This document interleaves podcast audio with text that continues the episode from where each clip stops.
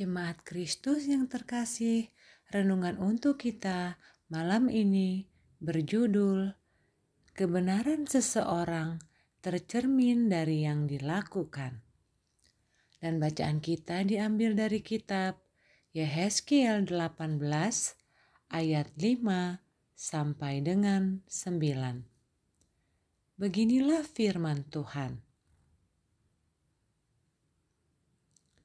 Kalau seseorang adalah orang benar dan ia melakukan keadilan dan kebenaran, dan ia tidak makan daging persembahan di atas gunung atau tidak melihat kepada berhala-berhala kaum Israel, tidak mencemari istri sesamanya, dan tidak menghampiri perempuan waktu bercemar kain, tidak menindas orang lain, ia mengembalikan gadaian orang, tidak merampas apa-apa, memberi makan orang lapar, memberi pakaian kepada orang telanjang, tidak memungut bunga uang atau mengambil riba, menjauhkan diri dari kecurangan, melakukan hukum yang benar di antara manusia dengan manusia.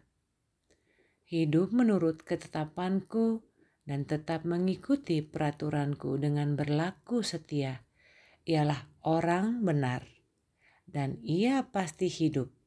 Demikianlah firman Tuhan Allah.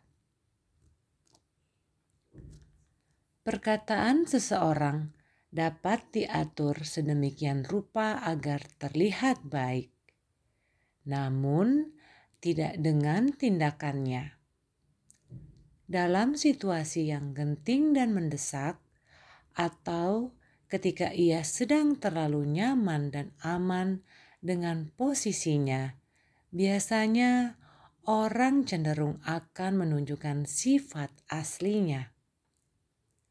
Bergantung mana yang lebih dominan, tindakan baik atau tindakan jahat yang sudah biasa dilakukan seperti yang diungkapkan Yehezkiel. Kebenaran seseorang akan muncul dalam perilakunya sehari-hari. Apa yang dilakukan secara konstan dan berkelanjutanlah yang dapat kita telisik. Apakah orang tersebut melakukan yang benar atau tidak dalam hidupnya? Oleh karena itu, mari memeriksa diri kita. Kalau perlu, bertanyalah dengan orang-orang yang kita percayai, apakah perilaku kita hari lepas hari sudah menyatakan hal yang benar, atau justru lebih banyak melakukan hal yang jahat. Bersyukurlah dan tingkatkan kalau kita sudah dapat melakukan banyak kebenaran. Kalau belum, berdoalah meminta pertolongan dari Tuhan agar Ia membimbing kita untuk dapat melakukan hal yang benar.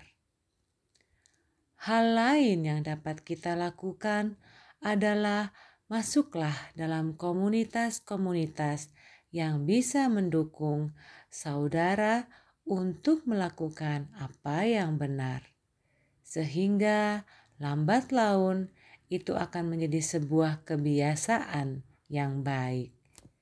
Selamat berproses. Demikianlah renungan malam ini. Semoga damai sejahtera dari Tuhan Yesus Kristus tetap memenuhi hati dan pikiran kita. Amin. Jemaat yang terkasih, mari kita bersatu hati menaikkan pokok-pokok doa yang ada dalam gerakan doa 21 GKI Sarua Indah. Mari kita berdoa.